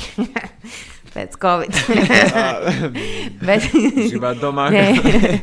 nē, nē nu, kā, ļoti daudz par to cilvēku runāju. Un, un es mm. domāju, ka man jau arī Covid šie laiki, tas, ka tev nav ar ko savu enerģiju nekur likt īsti, nav ar ko nobīdīt savu redzesloku, tev jāsēž un pēkšņi jāsāk skatīties uz sevi, un tas ir ļoti daudz, kas nav kārtībā. Un, kas īstenībā Covid savā ziņā man to depresiju izvilka ārā, un beidzot, bet arī beidzot tā tika di diagnosticēta, un beidzot sāku ārstēties, jūtos ļoti labi salīdzinot ar to, kā es to agrāk un kā esmu juties gadiem. Un, jā, un tāpēc ir tāds, jā, es ļoti ilgi ar savām draudzenēm, man ir vēl draudzenes, kurām arī, kuras arī cieši no depresijas, nu, slimo ar depresiju kā tā labāk. Un ir bijis, nu, ka vienā brīdī nu, atbalsti, atbalsti, atbalsti, atbalsti, un, un tu zini, ka tevi atbalsta, un tu vienā brīdī saproti, ka tu jau nevari vairāk prasīt savām draudzenēm, lai tur, nezinu, simto reizi viņas atkal tev saka, nē, Līm, viss būs labi, tur man nesaņemies, tur nē, vienā brīdī tev jāprasa nu, kaut kāda profesionāla palīdzība. Jā. Nu, nu, tavi, tavi draugi nevar būt uh, mūžīgi tavi terapeiti un tavi ārsti un vēl kaut kas. Tāpēc arī man ir kaut kāda konkrēta tolerance arī runājot par šo. Ka cilvēki, piemēram, nezinu, dzīvo gadiem, ja tur neārstam depresiju, viņam ir atkal slikti, tu nāktu, vai tu vari man palīdzēt. Man ir tāds, tu jau palīdzi gadiem, un tu jau klausies tās lietas jau gadiem, un vienā brīdī tu vairs nevari tam cilvēkam palīdzēt, un tu, tu arī negribi, un es nevaru vairāk tev palīdzēt. Es saku, tev jāiet pie terapeita. Es vairs nevaru klausīties tev, tur, tāpēc, ka man pašai arī ir slikti, ja godīgi viņi. Tu vari ilgi palīdzēt, bet vienā brīdī tam jā, tieši tā, tam cilvēkam pašam ir jāiet un jāmeklē palīdzību. Uh, es, es, es, es, sorry. es ļoti daudz runāju. Es, es to līdzi. Nē, bet viņš runā. Vajag runāt. um, es arī es bērniem vadu vasarās, it īpaši nometnes. -hmm. Un mums arī nu, mēs, mums ir tādas ļoti atvērtas nometnes, un bērni bieži vien viņiem arī nāk emocijas ārā, un mēs mēģinām to padarīt par tādu drošu vidi. Mm -hmm. Tam bija, mums ir tā kā, nu, kā lai pasakā, nometnēs vienmēr tā, es nezinu, tas tas, ka trešā diena ir krīzes diena, kur vai nu kaut kas noies greizi, vai arī kādam būs emocionāls sabrukums, un reāli bija tā trešā diena. Un uh, tajā vakarā man liekas, bija trīs bērni, kas tā kā, es biju tā kā nu, varētu teikt, naktas sargs. Es tur dienēju apkārt, un reāli trīs bērni apraudājās. Man individuāli vajadzēja ar viņiem visiem iet un runāt. Un, tā. un es biju vienkārši tā kā lupata pēc tam. Es biju nederīgs, tāpēc ka es to visu uzsūcu. Un tad viss. Viņiem loģiski ir labāk, tas man galvenais kā vadītājiem, bet pēc tam pašam sūdīgi. Tad nākamajā rītā mums bija kā komandas saruna. Tad es vienkārši apraudājos, bet tas arī ļoti palīdzēja. Mm. Un tas arī vienkārši ir par to, ko tu teici, ka tu nevari visu laiku kraut citam, jo, nu, loģiski viņam tas kaut kur paliks. Tas nav tā, ka tu es tev iedodu, tu paturi un noliec kaut kur. Tas ir pie tevis visu laiku. Un, ja tu to neizlaid prom, tad, mm. tad tam cilvēkam ir sūdīgi. Tagad tu drīkst runāt. oh, bet tas es jau pilnībā aizmirsu. Un tas arī, man liekas, nebūs saistībā ar to. Bet, bet tā arī ir. Jo arī, nu, es dzīvoju arī kopā ar savu nu, partneri. Un, Un viņam ir, nu, es saprotu, vienā brīdī viņam arī nu, viņam apnīk sievietes, kas vienkārši guļ gultā un neceļos. Viņš nevar vairāk tā kā. Bet, nu, protams, pēc tam jau tas tur redz tavs draudzene vai tur draugs vai labs cilvēks, tavs draugs aiziet tur uz terapiju vai tur sāk lietot medikamentus un tu redz, ka paliek labāk vai tur varbūt arī paliek sliktāk, bet tad jau tu vari atkal atbalstīt un teikt, hei, bet klausies, tev tagad ir terapija, tagad tu vairāk pats sevi izproti. Vairāk pats saproti, kas tev liek justies labāk, kas tev liek justies sliktāk, varbūt vajag kaut ko, nu, tad, tad var atbalstu dot, ir vieglāk tādā jaunā situācijā. Jā. Par depresiju mums arī ir bijusi šī saruna, um, kas ir interesanti mazliet. Nu, es varu teikt, ka man dzīvē kaut kādā ziņā ir paveicies, ka man ir ok salīdzinoši ar mentālo veselību. Man bija viens zemais punkts, bet es to noteikti. Es negribu sev diagnosticēt kā kaut kādu slimību. Es vienkārši uzskatu, ka tas bija zemais punkts. Tas ir normāli, ka dažreiz nav ok. Jā, un uh, bija, tā, bija tas posms manā dzīvē, ka tiešām daudziem bija sūdīgi un daudzi uzlika sev pašu diagnostiku, pareizi, mm -hmm. liekas, izrunāja, ka viņiem ir depresija. Un man tas īsti nešķiet pareizi, jo tajā manās acīs, godīgi, tam vārdam zuda nozīme, kad cilvēki paši sev iedeva diagnostiku. Hei, man ir depresija, jo es internetā izlasīju, ka simptomi sakrīt. um, jo, piemēram, tas ir ļoti nopietna lieta. Mm -hmm. Varbūt tāpēc arī cilvēki sev kaut kādā ziņā iedod šo slimību. Un, protams, man šķiet, ka galvenā lieta ir, ja tev ir sūdīgi, ej un runā un pārbaudi, vai dari. Vispār, jā, kaut ko dari. Jo, ja tu tiešām sūdzies saviem draugiem, ka tev ir slimība, bet tu neesi pārliecināts, protams, viņiem var būt. Bet vienā brīdī, man liekas, jau mēs runājam. Tas ir vienkārši tā kā. Okay. Tas jau atkal sēž ar to, ka runāt un vajag runāt daudz, ko, bet vajag arī darīt. Jā. Un tad tas saistīts ar to runāšanu un darīšanu. Ka, ja tu visu laiku to saki, un tā. Tāpat kā arī, ja tev kāds draugs sūdzas par kaut ko, ka tur uh, bācis visu laiku, man mājās nekad netiek tas tur no izmazgāta trauka kaut vai. Mm. Tas ir rando piemērs. Un tad, bet tu neko nedari. Tas ir. Tu visu laiku sūdzies. Tas ir. No. Es bieži vien Rudolfam esmu teicis es darīšu to, es darīšu to. Un viņam, un viņam vairs, ī, viņš vienkārši jau jūt, kad nav, kad yeah. nav pa īstam. Yeah. Viņam tā, ah, protams, šito solījumu yeah. es jau trešo reizi dzirdu. es arī taisu tetovējumu jau trešo gadu, vai piekto kaut kā. Neviens vairs neklausās, jā, jā, jā, līdz. tas ir, tas ir baigs smieklīgi. Piemēram, šis gads ir mans nostiprināšanās gads. Jā. un, man liekas, es šogad esmu pavainojis četras vairāk lietas nekā jebkur citu gadu. Tas ir komiski mazliet. Un, un tā ir arī nu, citiem, ka viņi kaut ko pasaka un viņi to sludina pasaulē, bet tās lietas nu, neatēlojās. Un, man liekas, ka savu Tas ir atkarīgs jā, no situācijas. Varbūt tādā depresijas gadījumā tā paša diagnostika ļoti labi, ka cilvēks varbūt ir atradzis kaut ko, ka viņam kaut kas nav kārtībā. Varbūt viņš, ja viņš tur apkārt stāsta, o, jā, nu, ja man, man jau arī bija tā, ka es tā kā. Es vienkārši visu laiku domāju, ka man ir raksturs tāds, bet es saprotu, ka vēl kaut kas sliktāk paliek, un sliktāk, un sliktāk, un vēl sliktāk. Un es saprotu, ka, laik, nu, ka, ka nu, jā, šis ir kaut kas.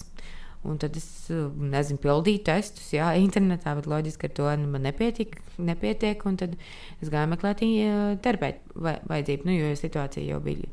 Palīdzība, jo situācija jau bija ļoti, ļoti, ļoti, ļoti kritiska. Un, um, un tad terapeiti man aizsūtīja pie psihiatra, un tad man arī diagnosticēja to. Jā.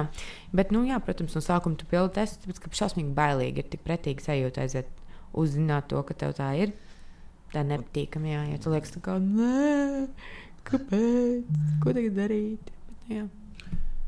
Tas ir nepatīkami. Bet tā, tam jāskatās acīs, lai ar to tiktu galā. Viņas, es nevaru Es nevaru iedomāties, kā tas ir. Man liekas, ka es nevienu īsti nepazīstu. Mm. Tāpēc man tāds tāds svešs tēma, par kurš negribu baigi neko teikt, jo es varbūt. Uh, Tas, tas pagaidām, pagaidām, ka tev 32, tev apkārt būs daudz, kurus tu pazīsti. nē, nē, es jokoju. Es ceļoju, cerams, ka tā arī paliks. Uh, jā, bet uh, tas, jā, kaut kā. Bet nu, tāda pozitīvāka lieta, ko es tēmai iedod. Nē, nu, protams, arī par mentālā veselību. Man liekas, gan Covid ir palīdzējis par to runāt, gan vienkārši Jā. jauniešiem. Tā kā tas, ka vairāk, jo jaun, tagad aizvien agrākā un agrākā vecumā cilvēki iet tam cauri. Un um, ir forši, ka cilvēki par to runā vairāk. Protams, varbūt tas arī iedod to, ka cilvēki vēlas, lai kā, viņiem ir kaut kādas lietas, par, kuriem, par kurām tiek runāts. Hei, man ir depresija, palīdzi man. Nu. Nu, tas ir briesmīgi. Un, man liekas, jo vecāks tu kļūsi, jo mazāk tu ar to saskaries. Man vismaz tā šķiet. Jo cilvēki tā kā, to uztur aizvien nopietnāk. Jā. Bet tas ir īstenībā ļoti briesmīgi. tā Kā, tas, ko tu redzi, jo ir īpaši, ja tev ir tuvs cilvēks, un tā kā, tev daudz saka, tu, tu uzmanies ar viņu, tu vari tur arī kaut ko. Pats gribēju uz pozitīvu. No. Principā, pozitīvā lieta ir tā, ka par to tiek runāts vairāk, un, cik forši. un ka Un ka lietas tiek darītas. Jā, Jā. To var ārstēt tieši tā. Ļoti daudz cilvēku tieši baidās no tās ārstēšanas. Tā man jau arī bija nosaukt. Nu, es ar medikamentiem arī ārstēju. Bet uh, man tāda, kad es uh, tagad jūtos daudz labāk nekā agrāk, un man bija tāds bļāviens, cik stūbis. Es pazaudēju tik daudz laika, kad es varēju justies labi. un tas tāds bija tāds downside, uh, kas tā stūbi. Bet tā vispār. Jā. Vajag, vajag, vajag justies labāk. Mhm. Pozitīvā nots. Pozitīvā nots. Jā. Hmm. Kas vēl pozitīvs pasaulē? Kas vēl ir pozitīvs? Laika apstākļi. Vai kas tāds jā, - ārā ir silts? Jā, silti. Silti, jā. Šodien jauks laiks ārā.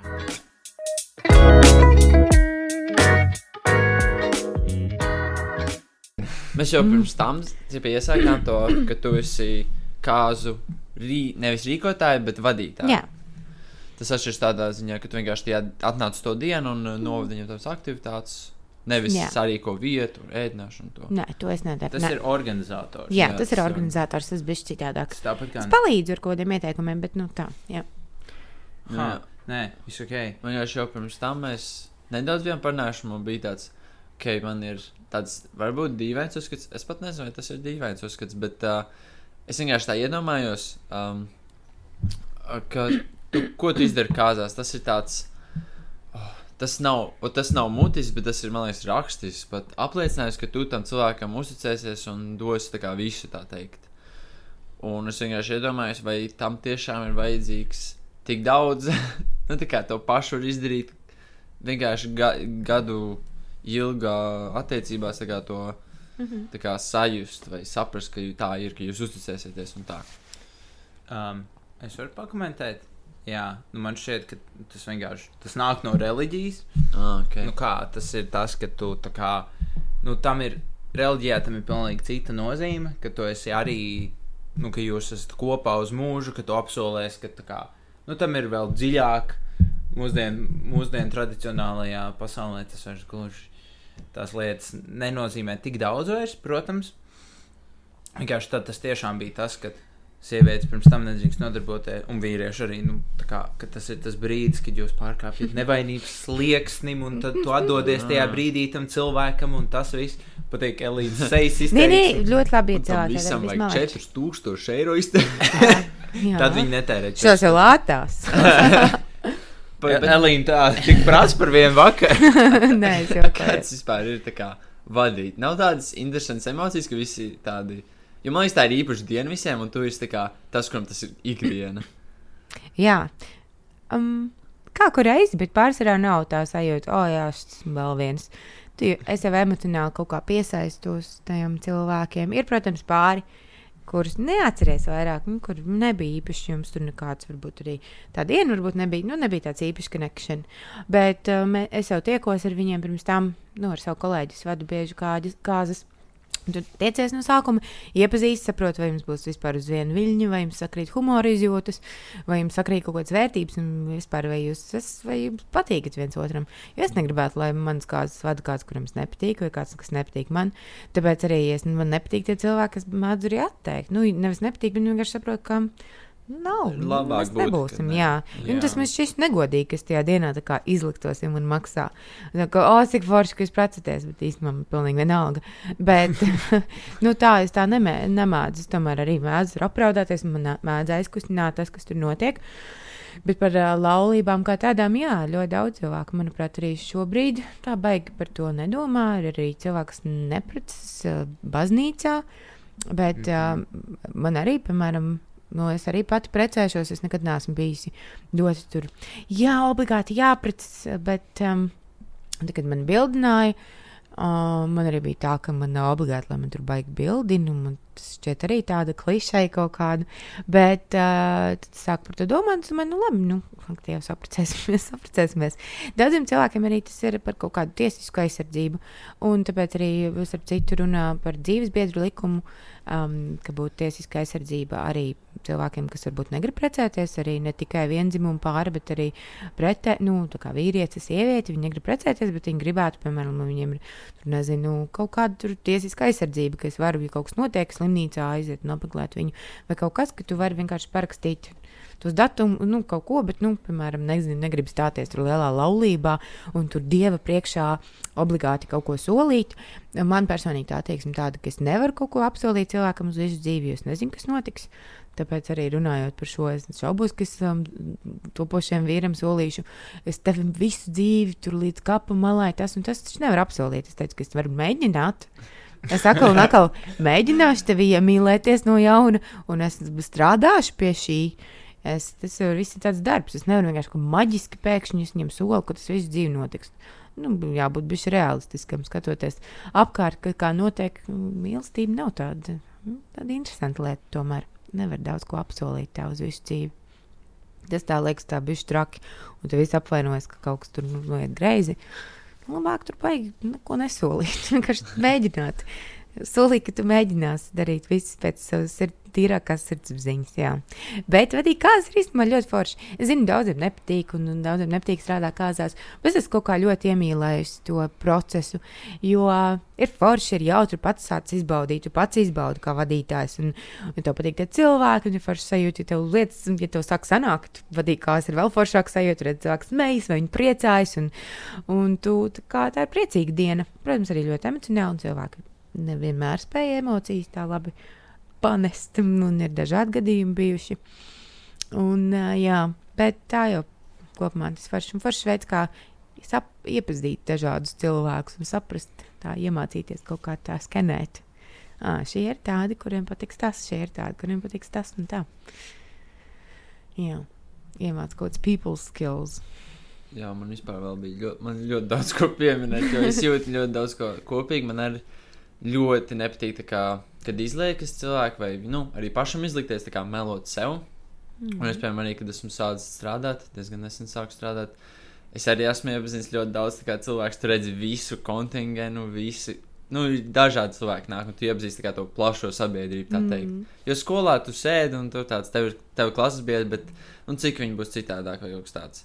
Un tad tu pamatos visus cilvēkus, un ir ļoti interesanti arī kaut kāda cilvēku skenēšana. Mm. Un tad man vienkārši, man personīgi nepatīk, ka tu, piemēram, esi um, kaut kāds, nu, piemēram, tu esi apkalpot cilvēku streamī vai, es nezinu, nu, jebkādā tur veikalā. Un tev ir uh, baigais tāds, jā, labdien, nu, kur ir tā, nu, un tu jūties drausmīgi, piemēram. Nu, man liekas, tajā, ja tu jūties drausmīgi, esi drausmīgs un tā kā tiesam pāri un būs ok. Nu, nevajag bļaut vai kaut kas tāds, bet vienkārši uh, nevajag uzspiest to. Nu, Pārspēlēts, jā. Bet man patīk, ka pret mani tur slēpju. Tad būšu vienmēr lepni pretī. Ļoti, un, un tad man liekas, mums abiem uzreiz tam, ar to cilvēku būs tā priecīgāk. Nu, protams. Jā. Bet uh, vienkārši tas, uh, es nezinu, es kaut kā pamanīju, jā. man ir vienkāršāk, es nevis izliekos baigi priecīgais, bet man tāds, es vienkārši būšu ar poker face, un es pēc piecām minūtēm es būšu daudz labāk. Nu, jā, varbūt. Bet kā tu vispār nokļuvi pie tā, ka tu esi kāds? Tas bija tāds interesants transakcijas. Jā, ja man bija, man tā kā trīs jautājumi bija uzkrā, uzkrājušies, un bija tāds, ok, labi. Es vienkārši vienojos, kā tu, tu tā kā biji uz kaut kādām kāzām uzlūk, un tev ļoti patika. Vai tu vienkārši stole the show? ah, nē, man piedāvāja uh, septiņus gadus atpakaļ mums ar manu kolēģi piedāvāja naudī kāzas. Mums gāja ļoti, man, man liekas, tas ne- man vēl kādreiz dzīvē to pārsatikt, jo man liekas, mums negāja baigi labi. Negāja normāli, bet viņi salīdzina to kvalitāti darbam. Bet, nu, labi, mēs arī prasījām ļoti simbolisku naudu, tur tādu atzīšanos, ka mēs neesam, mums nav liela pieredze. Un tā, ja salīdzina tās pirmās kāzas un vispār kaut kādu, un tagad, nu, tur ļoti liela atšķirība, jo uzkačā to skilu un tā. Runājot par laipnību, arī, nu, kaut vai tajā pandēmijas laikā, var, ka tev ļoti slikti, piemēram, arī tajā pašā depresijā, tur var arī no rīta noticis kaut kas ļoti traģisks, un tāpēc arī var saprast, kāpēc tie cilvēki prasa tik daudz naudas, jo neeksistē tāda lieta, kā man šodien, slikt, man šodien ir slikti, es uz darbu nenākšu. Mm. Tev ir jābūt tajās kāzās, un tev ir jādod tie visi savi, cik tev iekšā ir. Un tev ir absolūti jāizliekas, ka man ir bijis tā, ka es vadu kāzas, un es nenormāli tur viss ir forši, un ne backstage raudu. Vai arī, ka man ir tik slikti kaut kādi. Nu, ka temperatūra, piemēram, uzkāpus un tā, un tu nevari. Bet tu tur, tur sēdi, sēdi, sēdi, un zini, ka tev jāiet, un neviens to nepamanīs. Tā ir kaut kāda profesionālitāte, ka tu saņemies. Mm. Tu ne, jā, un tāpēc arī tu saproti, kāpēc tu prasi par kaut kādu tā vairāk naudiņas, nu, tā kaut kāda apmēram kādu minimālo mēnešu algu vismaz, jā. Un uh, tāpēc, ka tev nav tādus, un tas ir emocionāli ļoti smags darbs. Jā. Nākamajā dienā, jā, kā tu teici, pirms tam ar tur tajā nometnē ar tiem bērniem, un ka tev uzņem viņu emocijas, un tu jau tāpat tās dari tiem pieaugušiem. Viņi varbūt neraud vai nesaka, bet viņiem, viņi arī raud, protams, ties kāzās. Bet nu, katram ir savs tur, tas, tu, piemēram, redzi kaut kāds pārītis vai kaut kāds galdiņš, kur vienkārši kā sēž un liekas, ka Dievs viņam viss besī, vai viņam viss tā, un tu jau uztver to kaut kā, un liekas, kā, pagai, vai, vai es kaut ko daru nepareizi, vai kaut kas tur nav, un tur Jo tu jāmācās, tu jā. centies priekš tiem cilvēkiem, un tu īsti nesaproti. Mm. Jo arī, sorry, tas ir, es tev biju pārtraucis.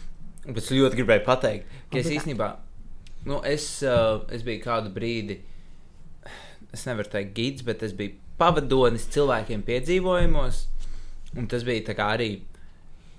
Es nezinu, man nebija tas, ka, piemēram, nu, kā jau es tās vietas jau esmu redzējis vairākas reizes, un nav tā, ka es tur eju ar tādām pilnīgi bez emocijām, jo man tas arī man ir prieks redzēt, ka cilvēkiem patīk un ka viņiem tas kaut kas speciāls. Tāpēc man tas arī bija kaut kas īpašs. Un, uh, tā ir tāda interesanta lieta, jo liekas, ka, oh, tu to dari jau cik reizes, tad loģiski tev varētu tas apnikt, un tā vieta būtu tāda pilnīgi bez emocijām. Tu tur ej, tu pastāsti, kas tev jāpastāst, tu tur pagories, pajoko tos pašus joks katru reizi. bet, uh, bet īsnībā kā, tas arī ir diezgan sarežģīti, un, un, jo tu arī uzsūdz to viņu enerģiju. jo Man arī, piemēram, ir cilvēki, kas, kurus es vedu. Un, kā, un viņi tu dari visu, ko tu gribi, un viņi nesmaida. Un tad tu tāds, nu, nē, pasmaidi priekš manis. ir, un tad es uztaisīju kaut kādu selfiju, un viņš pasmaidīja, un es biju tik priecīgs. Bet bildēm parasti smaida, jā. Nē, viņ, viņš tā kā, un pārējās bildēs viņš nesmaidīja, un es biju ļoti sašutis.